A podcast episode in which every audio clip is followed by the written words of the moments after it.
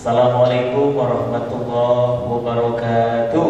Waalaikumsalam warahmatullahi wabarakatuh.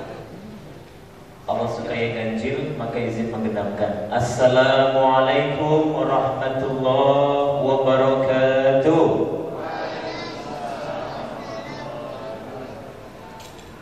Innal hamdalillah nahmaduhu wa nasta'inuhu wa nastaghfiruh wa na'udzu billahi min shururi anfusina min sayyiati a'malina may yahdihillahu fala mudilla lahu wa may yudlil fala hadiya lahu أشهد أن لا إله إلا الله وحده لا شريك له وأشهد أن محمدا عبده ورسوله لا نبي بعده. رب اشرح لي صدري ويسر لي أمري واحلل عقدة من لساني يفقهوا قولي. Amin amin ya rabbal alamin. Segala puji milik Allah yang sampai sore hari ini di nikmat long weekend kita kita masih bisa bermujalasah, bermuhasabah di majelis yang Allah ridhoi ini. Semoga langkah kaki teman-teman semuanya, Bapak Ibu jamaah Masjid Nurul Asri ini Allah berkahi, Allah jadikan jalan, Allah ampuni kita semuanya.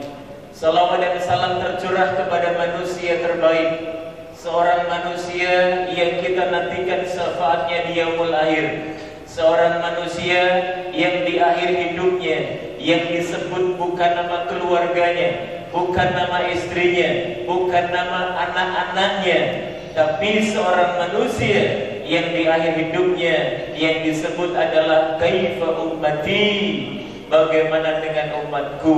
Maka semoga yang duduk sore hari ini di majelis ini Allah himpun menjadi umat Nabi Muhammad Sallallahu Alaihi Wasallam yang sedang menunggu kita di sebuah telaga bernama Telaga Al-Haud di mana tidak ada pertolongan selain pertolongan dari Allah. Maka semoga ketika di yaumul hisab di padang mahsyar nanti Allah berikan bantuan kita melalui air minum yang berasal dari telaga Al-Kautsar amin. Allahumma amin. Ibadillah yang Allah muliakan. Sahabat-sahabat remaja masjid jamaah Nurul Asri yang Allah muliakan. Izinkan sore hari ini kita sedikit membedah apa yang sudah dijelaskan oleh sahabat saya Ahroni tentang buku ketiga kami yang berjudul Segenggam Cinta untuk Cindera Jiwa buku ini Alhamdulillah menjadi salah satu inspirasi bagi kami untuk terus bermanfaat bagi orang lain karena dalam waktu tidak lebih dari dua bulan terjual lebih dari seribu eksemplar. Maka semoga setiap hurufnya, setiap kalimatnya, setiap bait-baitnya, setiap lembarnya dijadikan pahala yang mengalir untuk sang penulis dan pembacanya. Amin Allahumma amin. Izinkan saya mengawali melalui sebuah kisah yang disampaikan oleh seorang ulama. Boleh saya berdiri? Yang disampaikan oleh seorang ulama bernama Syekh Khalid Al-Jadawi. Ulama ini pernah menjelaskan dulu di sebuah tempat bernama Kota Riyadh ada salah seorang anak muda. Anak muda ini punya sahabat empat orang. Suatu ketika pengen jalan-jalan ke sebuah tempat bernama Damam. Perjalanan antara Riyadh dengan Riyadh dengan Damam itu lebih dari 400 km. Dengan satu mobil, kemudian mereka memulai perjalanan. Ketika di sampai tengah perjalanan, anak muda ini melihat pelang bertuliskan yang seharusnya Damam 300 km lagi Anak muda ini melihat dengan tulisan yang berbeda Yaitu Jahanam 300 km lagi. Syekh Al-Jadawi kemudian menjelaskan kembali Pemuda ini kemudian heboh Ditepuk sahabatnya Bro Tahu gak? Itu tulisannya jahanam Bukan damam Ditertawakan oleh seisi mobil Antum sudah gila Lalu kemudian mereka melanjutkan perjalanan sampai 200 km lagi. Anak muda ini melihat dengan tulisan yang sama dari sebelumnya, bukan damam melainkan jahanam. Kaget, ditepuk sang sopir. Bapak lihat, itu tulisannya bukan damam, melainkan jahanam. Lagi-lagi ditertawakan oleh sahabat-sahabatnya. Lalu kemudian setelah 100 km lagi menuju ke sebuah tempat bernama Damam, dia melihat dengan tulisan yang sama. Hingga akhirnya dia putuskan, mulai saat ini saya ingin balik ke Riyadh. Saya nggak ingin ikut-ikutan. Lalu diizinkan untuk kembali. Dia putar badannya. Dia kembali ke Riyadh setelah perjalanan kurang lebih 300 km lagi. Sambil dia bentangkan tangan kanannya untuk bisa meminta orang-orang yang lewat menuju ke Riyadh tumpangan satu persatu. Hingga kemudian ada seorang mobil sedan lewat, di dalamnya ada seorang bapak tua. Dipersilahkan masuk anak muda ini. Anak muda ini tercengang. Kenapa? Karena raut wajah bapak tua ini tidak seperti biasanya. Memerah, pucat, dan bekas air mata. Setelah menyapa, anak muda ini bertanya, Wahai bapak tua, izinkan aku bertanya kepadamu. Aku melihat wajahmu tidak seperti orang-orang biasanya. Ada apa denganmu? Apakah sedang ada masalah? Bapak tua ini kemudian mengatakan, kalau kau anak muda melihat yang baru saja aku lihat, maka engkau pun akan sedikit tertawa dan banyak menangis. Ada apakah Bapak tua? Lalu orang tua ini menceritakan begini, Sebelum saya tadi menerima tumpangan darimu, saya melihat seorang anak muda bersama dengan kawan-kawannya dalam satu mobil kecelakaan tunggal dan tidak ada yang selamat satupun bersama dengan mobil yang mereka tumpang. Lalu anak muda ini bertanya, apakah ciri-ciri mobilnya? Dijelaskan oleh bapak tua ini ciri-cirinya sama dengan mobil yang anak muda tadi tumpang. Syekh Khalid Al-Jadawi kemudian menceritakan sekembalinya anak muda ini dari Dama menuju Kriya anak muda ini menjadi anak muda yang mewakafkan hari-harinya untuk kegiatan dakwah di Riyadh. 180% kembali dari kebiasaan buruk menuju kebiasaan yang lebih baik. Dia habiskan waktunya untuk telah ilmi. Dia habiskan waktunya untuk duduk bermajelis bersama dengan para ahli ilmu. Apa hikmahnya? Hikmah dari kisah yang disampaikan oleh Dr. Syekh Khalid Al-Jadawi adalah bahwa peringatan itu datang dari siapa pun.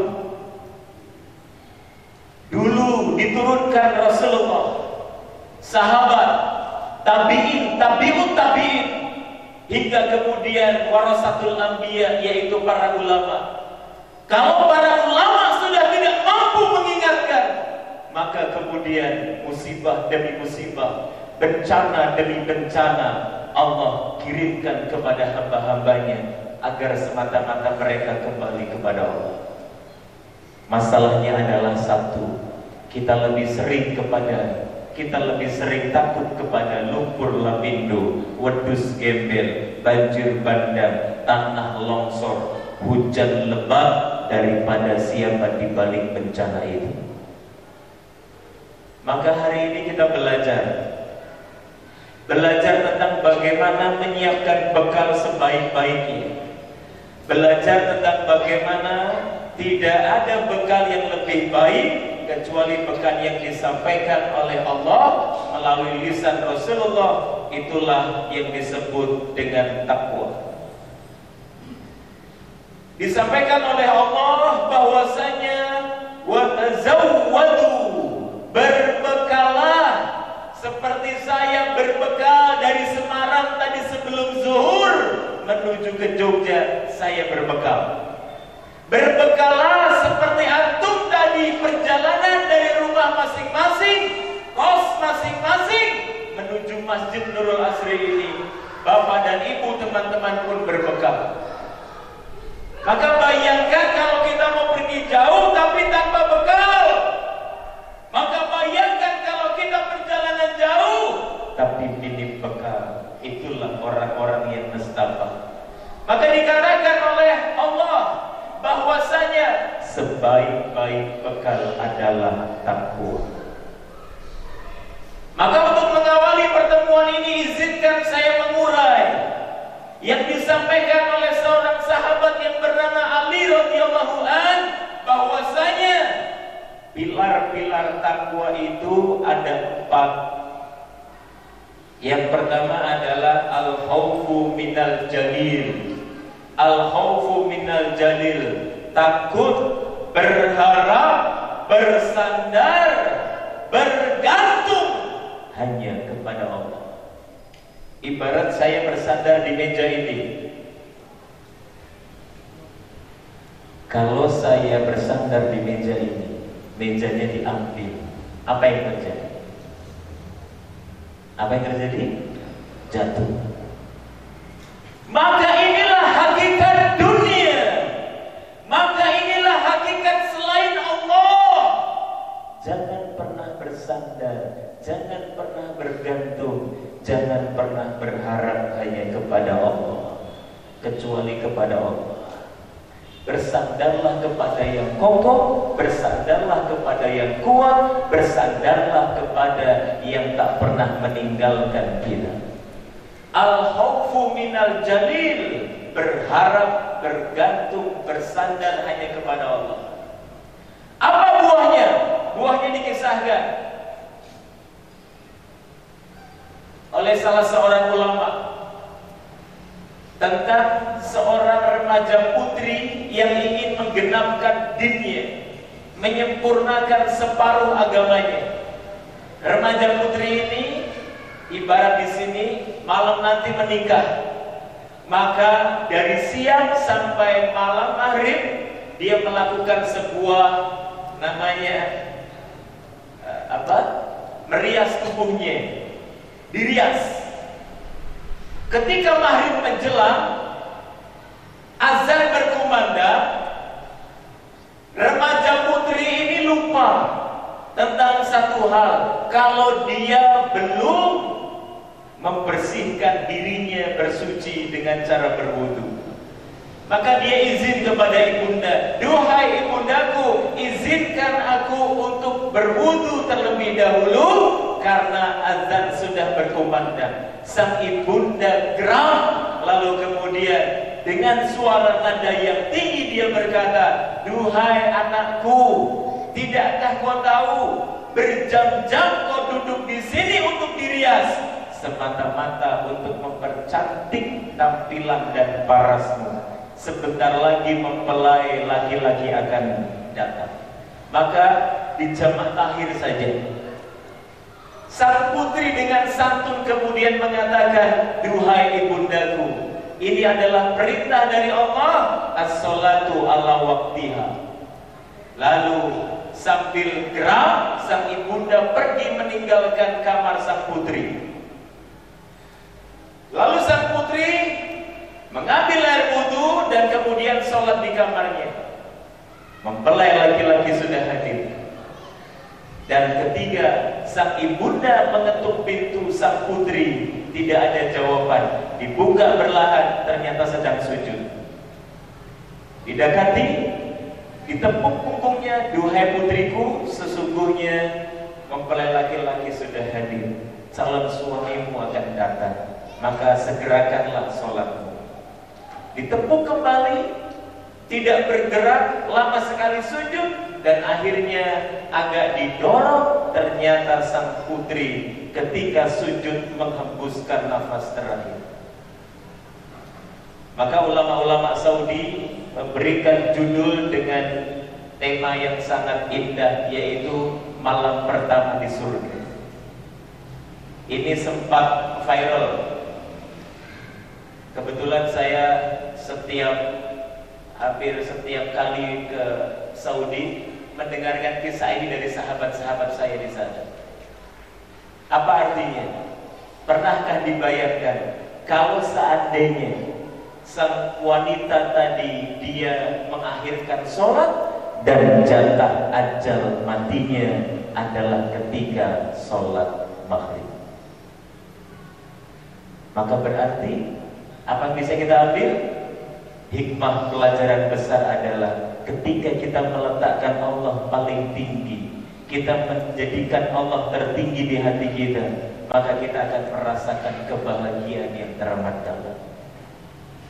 Buah dari apa? Al-Khalil Al-Khawfu minal Takut hanya kepada Allah Takut hanya kepada dia Tuhan semesta alam Maka kesempatan 90% yang hadir di sini adalah anak muda Maka jadikan ini momentum Kita terus memperbaiki diri karena masa muda adalah masa di antara dua kelemahan. Masa muda adalah masa yang dibanggakan oleh sahabat Umar bin Khattab. Bahkan sang Umar berkata, andaikan di negeri ini aku menemui masalah yang berat, maka aku akan kumpulkan anak-anak anak muda. Dikatakan dalam bahasa yang lain, kalau antum menemukan anak muda yang lelet, yang jalannya lambat, yang tidak punya passion, yang tidak punya semangat, maka berdiri di hadapannya dan silahkan takbir empat kali seperti engkau berhadapan dengan mayat. Karena hakikat anak muda itu kuat. Hakikat anak muda itu tidak pernah capek. Maka barang siapa yang takut capek, takut sakit, takut lemah, sesungguhnya dia bukan anak muda. Bahkan Ibnu Zauzi pernah mengatakan bahwasanya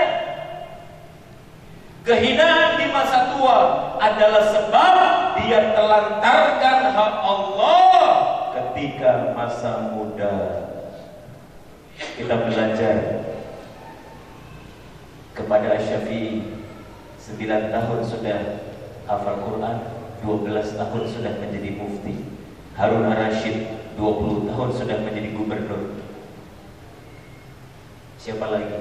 Muhammad Al-Fatih 4 juta pasukan bersamanya menaklukkan Konstantinopel.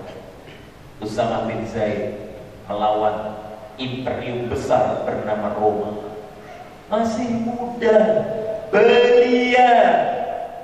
Bandingkan dengan remaja zaman sekarang. Apa yang bisa dilakukan 16 tahun? Saya kebetulan juga seorang konsultan di sebuah rumah sakit terbesar di Jawa Tengah namanya RSUD Karyadi seorang konsultan di sekolah-sekolah di Jawa Tengah. Kemarin saya dipanggil oleh salah seorang guru ternyata dia wali kelas. Saya masuk ke sekolah wali kelas ini sambil menyeka air matanya dia sesegukan. Mas Yasin apa salah saya? Saya heran. Maksudnya Bu Mas Yasin tahu kasus seorang remaja kelas 10 SMK menggorok salah seorang sopir taksi online. Itu murid saya. Benar bu? Dia mengaku. Mas Yasin tahu? Dia itu tidak pernah bolos sekolah. Tidak pernah tidak mengerjakan PR di sekolah tidak pernah yang namanya bikin ribut orangnya baik santun perawakannya putih wajahnya cukup tampan. Tapi saya heran bahkan malam harinya menggorok paginya masih datang ke sekolah. Malam harinya gorok jam 12 malam itu masih menemui pacarnya di kafe Tembalang sang polisi sampai berkata ini tidak mungkin dilakukan oleh anak usia 16 tahun polisi yang bilang begitu karena saking sempurna polisi mempraktekkan cara menggoroknya dengan dua belati 30 cm. Satu, dua, didorong kursi depannya hingga hampir-hampir uh, separuh agak terputus. Apa artinya? Apa artinya?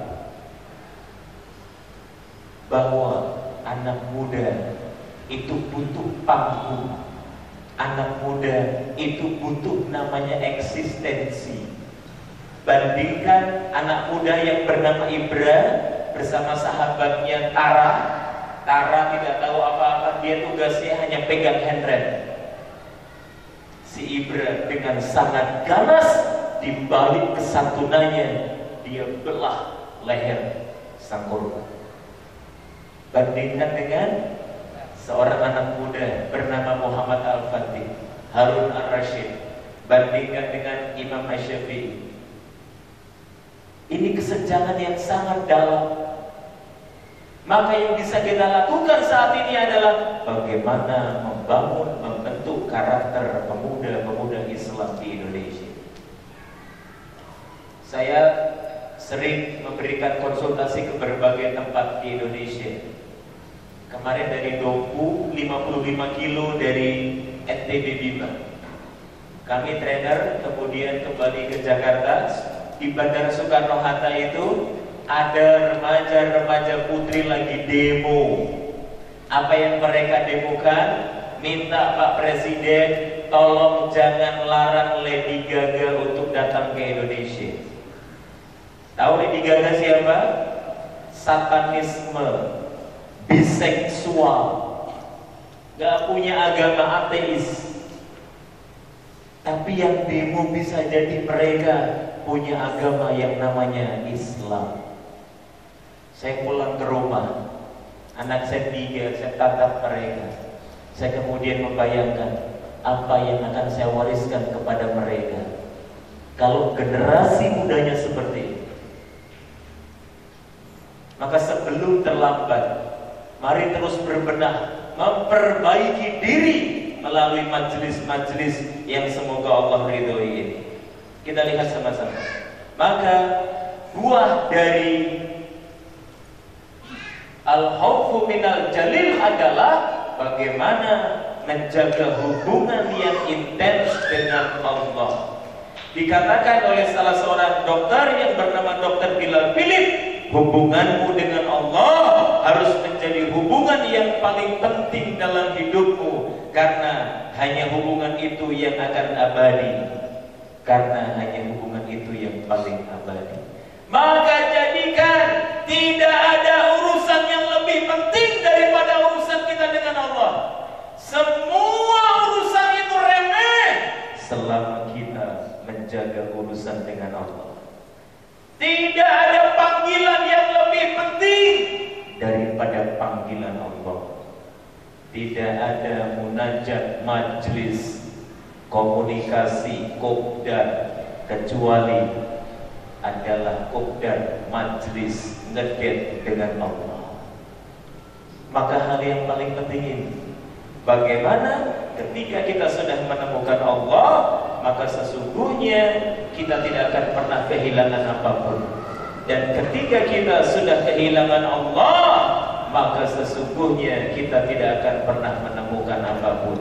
Maka yang bisa dilakukan oleh seorang yang beriman, buah dari al-khawfu minal jalil adalah satu. Apakah itu?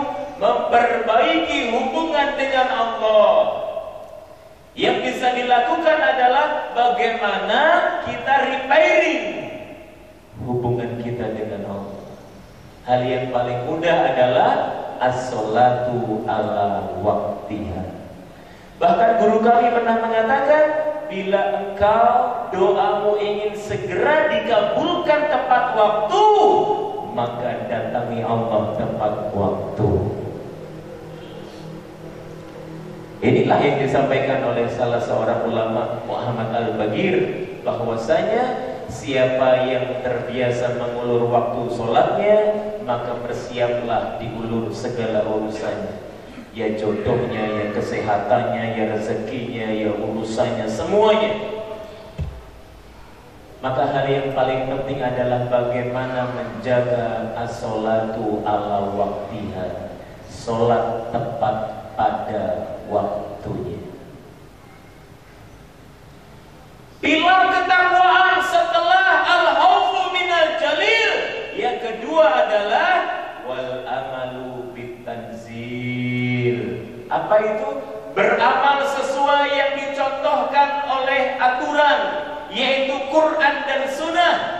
Imam Ahmad pernah menyampaikan umat ini, bangsa ini, generasi ini tidak akan pernah bisa bangkit jaya kecuali mereka mencontoh generasi-generasi sebelumnya mencontoh Nabi Muhammad sallallahu alaihi wasallam. Maka kita butuh resep, kita butuh kiai, kita butuh copy paste bagaimana sesungguhnya orang-orang terdahulu menjadikan Al-Quran dan As-Sunnah sebagai panduan perilaku mereka sebagai behavior guidance untuk apa? Untuk mencapai tujuan kita sama-sama yaitu Jannatul Naim. Inilah yang disebut wal amalu bitanzil, melakukan amal ibadah sesuai dengan yang dicontohkan.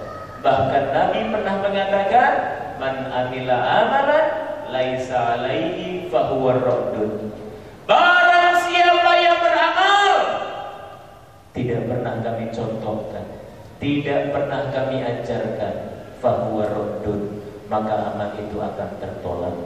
Maka semoga Majlis ini menjadikan kita semakin tahu betapa sempurnanya Quran dan yang sunnah Quran dan sunnah yang diajarkan oleh Allah dan Rasul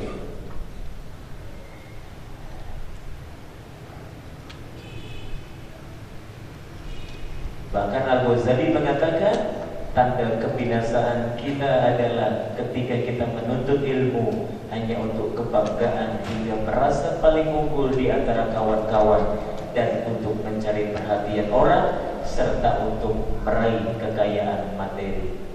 Maka mari kita luruskan niat. Tidak ada hal yang lebih utama daripada bagaimana kita meluruskan niat kita.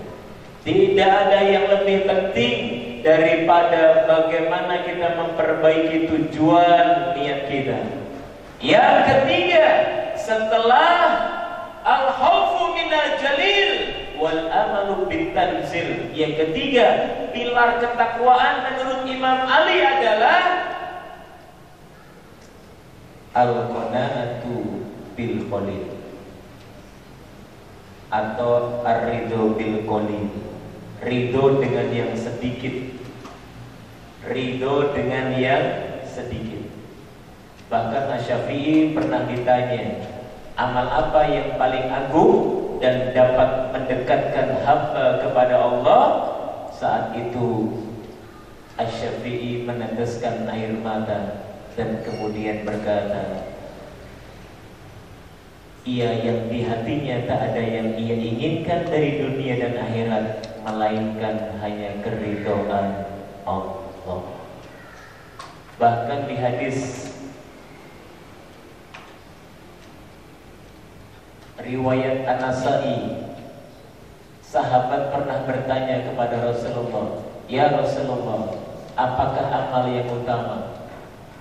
Amal yang utama Nabi Muhammad mengatakan adalah beriman kepada Allah wa tasdiqu dan engkau membenarkan perkataanmu. Sahabat tanya lagi, Ahwali labik, adakah yang lain? Kemudian Rasulullah menjawab, Ala tattahimallah Amal yang paling utama setelah amantu bila wa tasdiqu adalah ala tattahimallah. Apa itu? Jangan pernah berprasangka kepada Allah kecuali itu prasangka yang baik. Karena penting Ar-ridho bil khalil Al-qanaatu bil khalil Dikatakan juga Bisa jadi ridhonya Allah itu Tidak terletak pada yang dia beri Tapi ridhonya Allah itu terletak pada sesuatu yang dia ambil. Maka bersyukurlah orang-orang yang menjadikan urusannya hanya dua pilihan, yaitu sabar dan syukur. Ketika mendapat kelapangan dia bersyukur, ketika mendapat kesempitan dia bersabar. Pilihannya hanya ada dua. Bahkan Nabi mengatakan, "Ajabali amlil mukmin." Sungguh ajaib urusan orang-orang mukmin. Karena pilihannya hanya ada dua. Apa itu? Sabar dan syukur. Bolak-balik, monggo terserah. Kalau nggak bisa sabar ya syukur. Kalau nggak bisa syukur ya sabar. Artinya apa? Bapak Ibu jemaah sekalian tidak punya pilihan lain. Maka urusan orang mukmin ya ini. Apa itu? Dua hal. Kalau tidak sabar, ya syukur. Tidak ada pilihan yang lain. Kalau menginginkan dunia, maka kau harus tanggalkan akhirat. Kalau kita menginginkan akhirat, maka sungguh engkau harus menanggalkan dunia. Seperti yang disampaikan oleh Ibnu Mas'ud bahwasanya sesungguhnya siapa yang ingin akhirat maka korbankanlah dunia dan siapa yang ingin dunia maka korbankan akhiratnya. Ibnu Mas'ud mengatakan itu. Bahkan seorang ulama yang bernama Asyarawi mengatakan tidak perlu galau tentang dunia karena semua miliknya tidak perlu galau tentang rezeki karena semua darinya. Tidak perlu galau tentang masa depan karena semua ada dalam genggamannya. Jadikan gelisahmu hanya pada satu hal, bagaimana membuat Allah ridho. Maka orang yang selalu galau, orang yang selalu gelisah, orang yang selalu bimbang, bisa jadi dia tidak mengenal Allah dengan sebenar-benar mengenal. Bukankah dikatakan bahwa Allah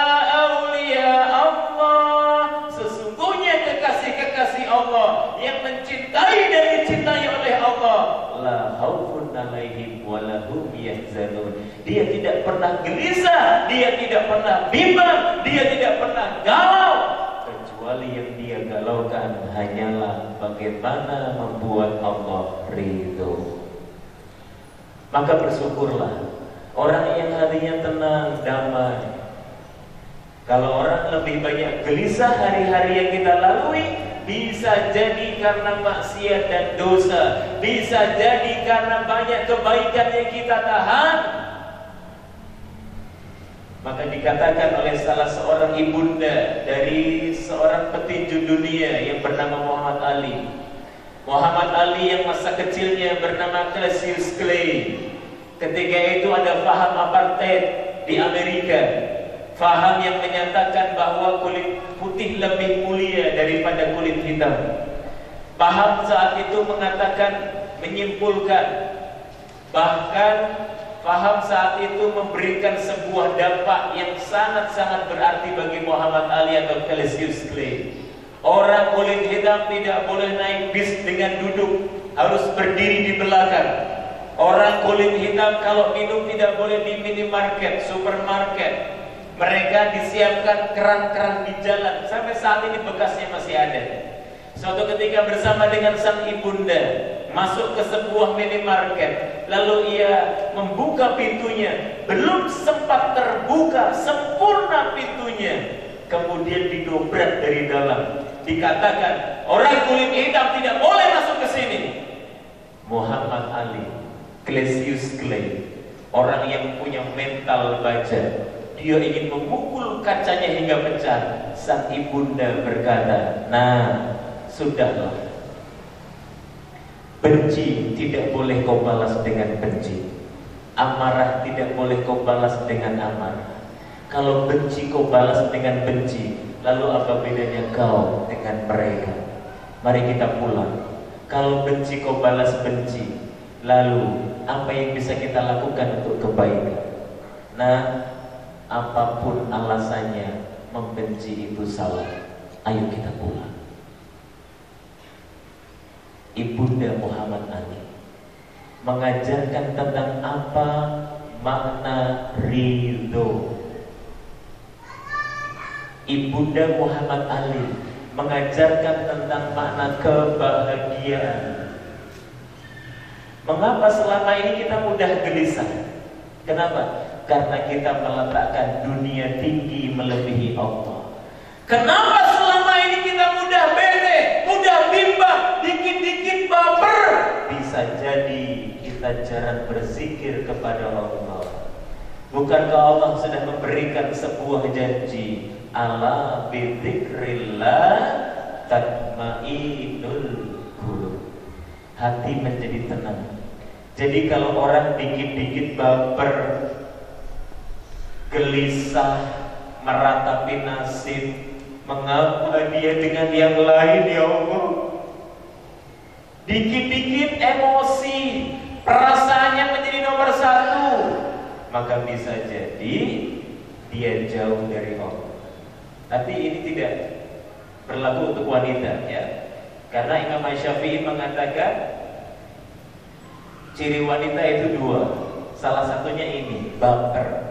Yang kedua, Imam Syafi'i mengatakan bahwa ciri wanita yang utama itu adalah suratu ibtilabiha. Apa itu? Mudah berubah. Ya. Pagi bilang cinta, malam kita lupa bawakan gorengan, bisa perang dunia. Benar, mudah berubah. Maka bapak, ikhwan yang sudah menikah, bayangkan wanita itu seperti kota. Kadang panas, kadang dingin, kadang musim salju, kadang banjir bandang, Anda harus terima dengan ikhlas. Dikatakan oleh Rasulullah ketika sahabat bertanya, "Ya Rasulullah, berapa kali saya harus bersabar menghadapi istri di rumah?" Nabi mengatakan 70 kali. 70 kali. Maka ikhwan, terima takdirmu sebagai ikhwan. Terima takdir antum sebagai seorang mas'ul, sebagai seorang pemimpin Begitulah wanita. Wanita punya prinsip, mereka punya prinsip. Wanita itu kadang benar, kadang tidak salah. Laki-laki kadang salah, kadang tidak benar. Maka terima prinsip mereka. Begitulah wanita. Maka bapak bersabarlah. Bersabarlah. Maka dikatakan ulama asobru isobrin sabar wa ahliha sabar kepada keluarga antum itu sabarnya berkali-kali kali-kali lipat kenapa di situ ada peluang besar untuk tidak dipatuhi padahal di situ pula anda menjadi jalan rezeki bagi keluarga. Maka sebaik-baik contoh bagaimana mensikapi istri, anak-anak di rumah, keluarga kita, mari kita belajar kepada manusia terbaik. Yang tak pernah lisannya menyakiti, yang dilempari batu, yang dicaci, dimaki, ketika ruku disuguhi kotoran berbisa, kotoran yang bau, ketika makan disuguhi racun berbisa, tapi tak pernah membalas kecuali dengan cinta dan doa. Belajar kepada Nabi Muhammad ketika Aisyah cemburu kepada Safia. Kemudian mengatakan mengatakan apa itu? Safia tikalba. Safia itu cuma segini pendek. Mohon maaf. Lalu kemudian Nabi dengan sabar mengatakan, andaikan kalimatmu tadi dimasukkan ke lautan, maka akan berubah warna lautan lam kata rubah seketika. Dengan sabar luar biasa. Begitu romantis ya Rasulullah. Ketika perjalanan jauh, Safiyah kemudian lelah dan dia harus tertatih-tatih. Nabi berhenti dan kembali. Ketika melihat Safiyah menangis, dia seka air matanya dengan jari Nabi Muhammad. Dia panggil dengan panggilan yang terbaik. Ya Humairah, beda sama kita. Lihat orang hitam. Eh Oreo, sini kamu. Kita tidak memanggil dengan panggilan yang terindah. Latihan perang Aisyah bersandarlah di punggungku. Tidak pernah Nabi bicara kecuali bicara yang romantis. Anas bin Malik 10 tahun saya tinggal di rumah Rasulullah Nabi tidak pernah mengatakan Mengapa kau lakukan itu Masya Allah Kita belajar keagungan akhlak Kita belajar kemuliaan sikap Kita belajar tentang karakter seorang laki-laki Kepada Rasulullah Setelah al-khawfu minal jalil wal amalu bitanzil waridho bil khalil. Lalu kemudian disampaikan oleh Imam Ali yang keempat selanjutnya adalah kita lihat sama-sama Bismillahirrahmanirrahim. Ini dia.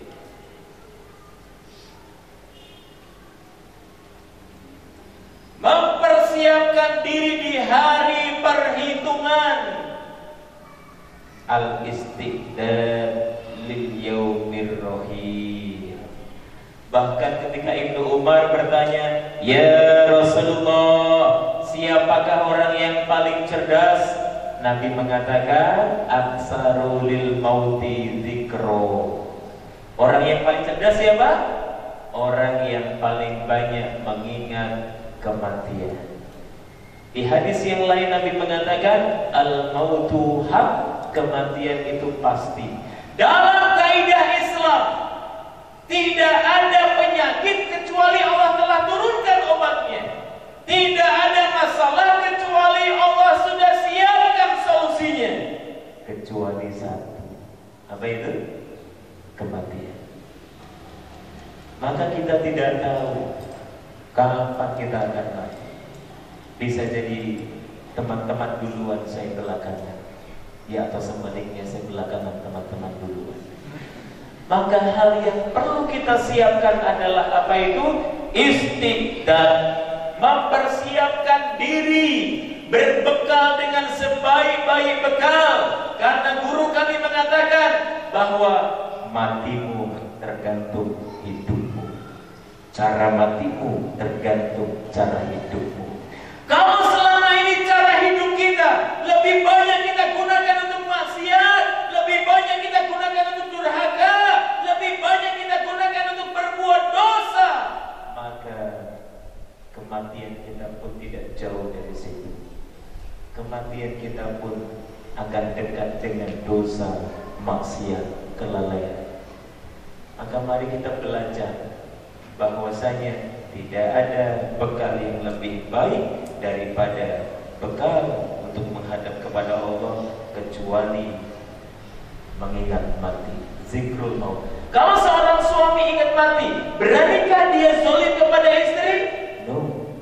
Kalau seorang wanita ingat mati berani tidak dia durhaka kepada orang tua? No. Maka ini kunci sebenarnya. Akthar lil mauti zikro Banyak-banyak mengingat pemutus kematian Kelezatan. Banyak-banyak mengingat tentang kematian. Karena sesungguhnya Yang menurut kita jauh pada dekat Itu adalah mati Maka kapan kita akan mati tidak masalah Tapi bagaimana kita nanti akan mati itu yang jadi masalah.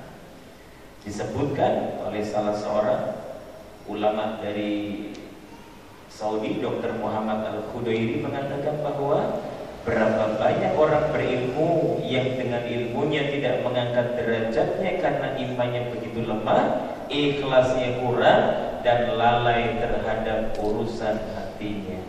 Maka mari sama-sama merenung, melihat ke dalam diri, tidak ada yang lebih waspada kecuali karena kita tidak berurusan dengan siapa pun Tapi kita berurusan dengan setan Dia sudah tua sedang kita masih baru.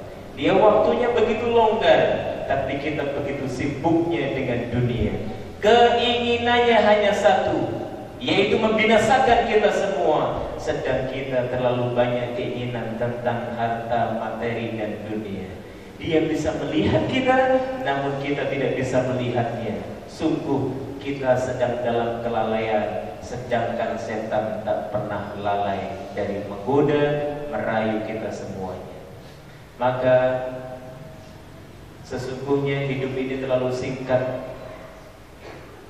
Kalau kita mengejar sesuatu selain surga Mulai hari ini Jadikan obsesi kita Tujuan kita Impian kita Vision-vision kita Adalah satu Yaitu surga. Kalau hidup hanya untuk dunia Maka kita akan berakhir Pada satu petak tanah saja. Tapi kalau hidup kita untuk Allah Kita akan berakhir Di sebuah tempat yang luasnya langit dan bumi.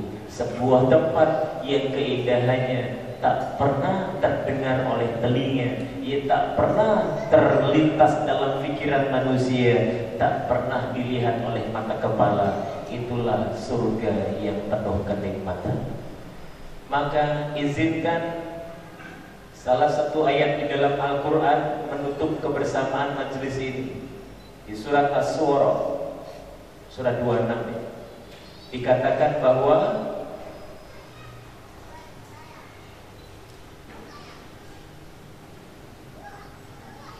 Yawma la yanfa'u malu wa la banun illa man atallaha biqalbin salim akan ada hari di mana anak-anak tidak berguna, harta tidak berguna, dunia kita tidak berguna, kecuali orang yang menghadap Allah dengan hati yang bersih. Maka tidak ada urusan yang lebih utama untuk menguatkan ketakwaan kita kecuali yaitu kolbun salim, salimus sudur, hati yang bersih, hati yang bening. Bahkan dikatakan oleh salah satu ayat Quran bahwasanya beruntunglah orang-orang yang mensucikan hatinya dan rugilah orang-orang yang mengotorinya. Bahkan di dalam salah satu surat di mana surat ini sebagai jalan Allah mengangkat Nabi sebagai seorang rasul. Surat apa itu? Al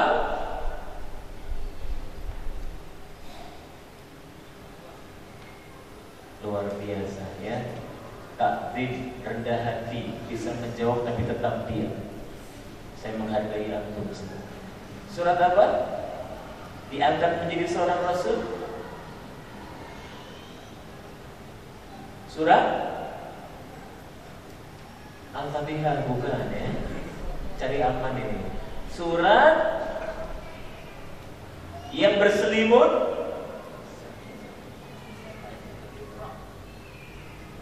Kalau Isra itu Diangkat menjadi Nabi. Kalau diangkat menjadi Rasul Sepuluh ribu rupiah.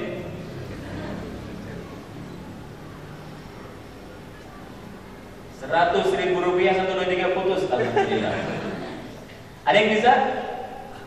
Yang bisa insya Allah tiket umrah ke Baitullah bila mampu Menjadi Rasul. Al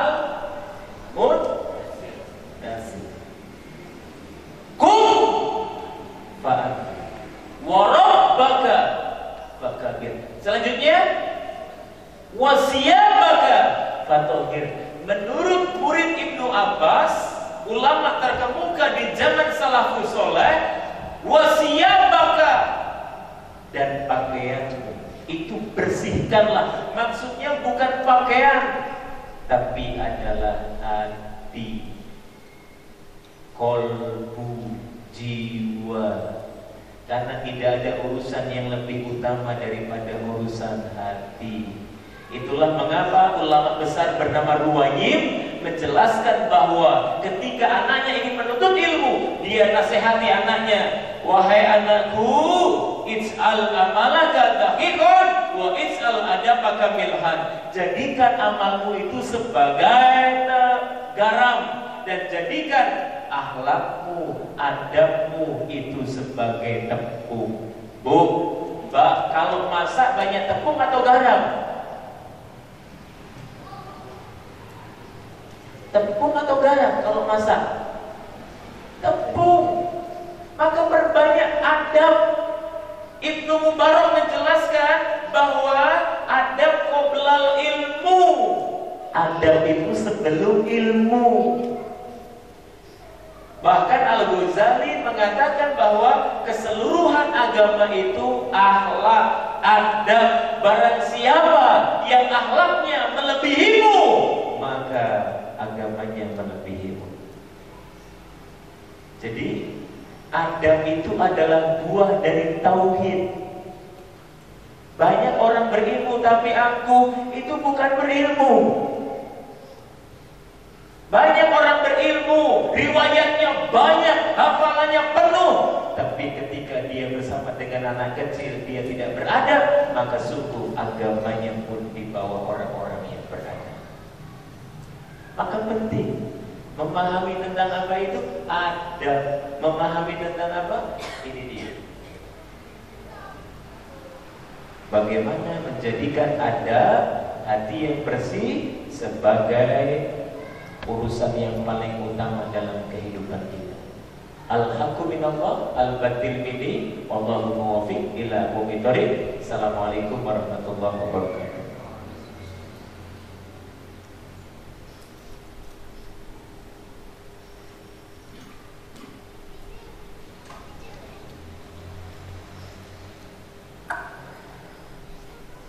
Jazakumullah kepada Ustaz Yusuf Yasin yang sudah menyampaikan materi pada sore hari ini.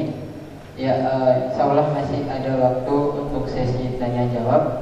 Monggo bagi jemaah ihwal maupun yang awal yang ingin bertanya silakan langsung bertanya. Ihwal silakan bisa langsung bertanya. Bagi yang awal uh, silakan ditulis pada kertas boleh.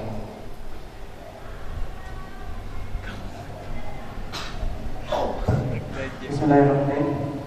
Assalamualaikum warahmatullahi wabarakatuh. Ustaz, sebelumnya anak mau tanya Tad. Tadi kan anda bilang kalau kita mengingat Allah, otomatis kita nggak akan galau, nggak akan putus gitu ya Tad. Ala kita tatmainul qulub. Tapi kan kita kan manusia juga loh. Apalagi kita ABG. Jadi sunatullahnya itu udah pasti naik itu iman itu naik turun loh Tad. Terus gimana caranya biar kalau pas iman kita lagi turun, kita tuh nggak begitu ngedrop banget kan? Biasanya tuh kalau iman kita lagi turun atau lagi putur, itu bawaannya mangger, pengen di kasur terus gitu kan? Mungkin itu aja yang bisa anda tanyakan. Mohon maaf apabila kurang sopan. Assalamualaikum warahmatullahi wabarakatuh.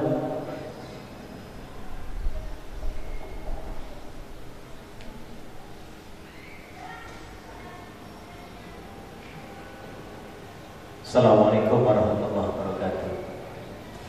Bagaimana untuk menjaga keimanan sedangkan naik turunnya iman adalah sebuah keniscayaan bahwa sesungguhnya benar al yazidu wa yanqusu. Naik dan turun sudah dijelaskan oleh Rasulullah. Yazidu bin taat wa yanqusu bil maksiyat. Yang bisa kita lakukan adalah bagaimana menjauhi kemaksiatan. Terus kalau anak muda gimana? Solusinya tidak ada yang lebih indah daripada menyempurnakan separuh din kita. Apa itu? Dengan cara menikah. Saya menikah usia 25, istri 19 tahun. Kami tidak punya apa-apa dan berjuang bertahun-tahun walau hanya dengan sepiring berdua. Dan akhirnya Allah bantu. Allah cukupkan. Allah tolong. Maka Imam Malik mengatakan, mohon maaf ya. Astagfirullahaladzim. Imam Ahmad, bukan Imam Malik. Imam Ahmad menjelaskan, orang yang semestinya menikah, kok dia nggak nikah itu sebabnya dua. Ya, tapi sebelum saya bicara ke situ, saya bicara sebelumnya. Di kitab beliau disampaikan bahwa Jadi batasan dia harus nikah itu gampang. Apa itu? Al-Qadiru al-Jibal. Kemampuan untuk berhubungan. Kalau antum sudah mampu, maka antum wajib untuk men menyempurnakan din antum dengan cara menikah. Kok gak nikah-nikah kan? Ada dua kata Imam Ahmad. Mohon maaf, ya Imam Ahmad. Dia mengatakan sebabnya yang pertama karena bisa jadi kelainan. Suka sesama. Yang kedua bisa jadi dia ahlul maksiat. Mungkin dia pakai kopiah. Mungkin dia sholat di masjid. Tapi kita tidak tahu bagaimana ketika dia di kamar sendirian. Bagaimana dia menyibukkan diri dengan gadget dan smartphone-nya. Bagaimana dia lebih fokus dengan sosial medianya. Bagaimana dia meluangkan sedikit waktu untuk Allah tapi dia berfoya-foya dengan kenikmatan aurat wanita Allah bisa maka sebenarnya kunci yang paling utama konkret gampang nikah Bismillah nikah istri saya lulus SMA saya belum lulus kuliah saya mohon jangan ditiru ya. Saya tujuh tahun kuliah S1. Sebabnya yang lain ambil ekonomi, ambil Inggris, ambil kedokteran, saya ambil hikmahnya saja. saya bertanya, apa yang membuat saya ini lama lulusnya? Setelah menikah, Allahu Akbar, Allah. Allah mudahkan pintu-pintunya. Dosen semakin baik. Sayang sama saya. Wah, mungkin Allah yang meniupkan kasih sayang ke dalam hati dosen sehingga dimudahkan semuanya. Beberapa bulan setelah menikah langsung wisuda digandeng oleh istri tercinta. Maka Bismillah, saya tidak perlu panjang lebar. Yang konkret itu. Oh, tapi kalau belum kerja, masya Allah, saya pun sama dulu juga belum kerja. Saya masih kuliah. Istri lulus SMA. Tahu kan? Masih suka permen, masih suka boneka, masih suka jajan di warung. Tapi untuk satu, menghindari zina. Zina mata, zina pikiran, zina telinga, zina hati, zina perasaan, zina tangan, zina kaki. Untuk menghindari itu, maka segerakan Terus orang tua gimana kan? Ya sedikit demi sedikit. Utlubul kulub masuk ke dalam hatinya. Pijit kakinya, temani pergi ke pasar untuk mengantarkan belanja ibu. Lalu kemudian katakan, ibunda, aku tidak ingin merepotkanmu, maka izinkan aku untuk berpisah sebagai takzim kepada Alhamdulillah, ditolak saya ketika ini. Kamu bisa apa? Saya putuskan saat itu untuk pergi dari rumah Bu izinkan saya kontrak rumah sendiri saya membina anak-anak SMA saya bikin kos binaan. Saya tidak minta sepeser pun dari orang tua. Belum nikah. Akhirnya berbulan-bulan orang tua sadar anak ini kok sudah bisa mandiri. Kalau sudah bisa mandiri ya sudahlah. Kalau pengen menikah dan ibu juga cocok ya segerakan alhamdulillah. Ya? Maka untuk menghindari zina menikah. Mas, masih banyak tantangannya. Ya Nabi mengatakan apa? Puasa. Puasa itu tak main perisai. Ingat perisai bisa patah perisai bisa pecah perisai bisa bocor.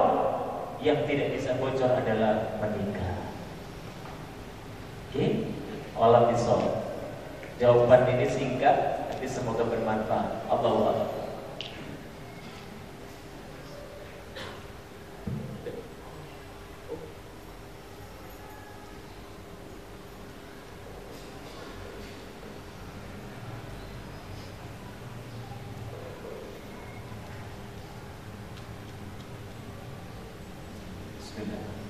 Assalamualaikum warahmatullahi warahmatullahi wabarakatuh. Assalamualaikum warahmatullahi wabarakatuh.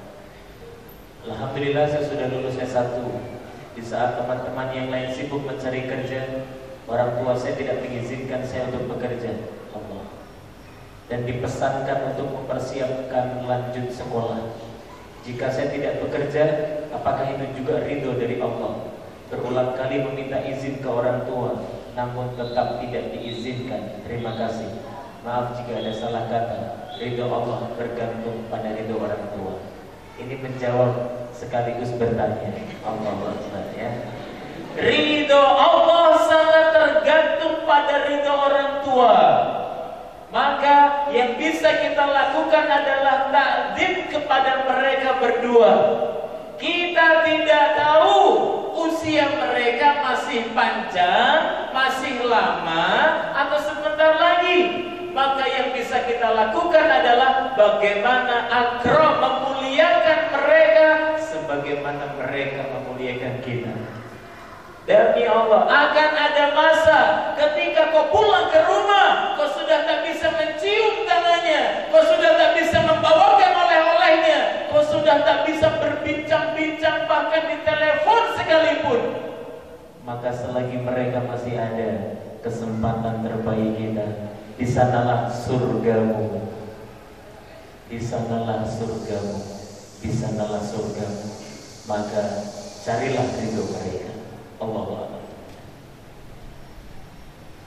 Assalamualaikum warahmatullahi wabarakatuh. Bagaimana cara menjawab khidbah Seorang lelaki yang sebenarnya kita juga ingin menerima Tetapi kita belum siap secara mental dan ilmu Karena masih ingin menyelesaikan pendidikan. Masya Allah Maksud ba'ah di sini saya menjelaskan kembali menurut Imam Ahmad bukan ba'ah secara al-qadiru alal jima saja tapi ba'ah secara psikis, ba'ah secara mental dan ba'ah secara finansial. Untuk ikhwan. Untuk akhwat adalah bagaimana kita menjadikan Allah sebagai jawaban atas doa-doa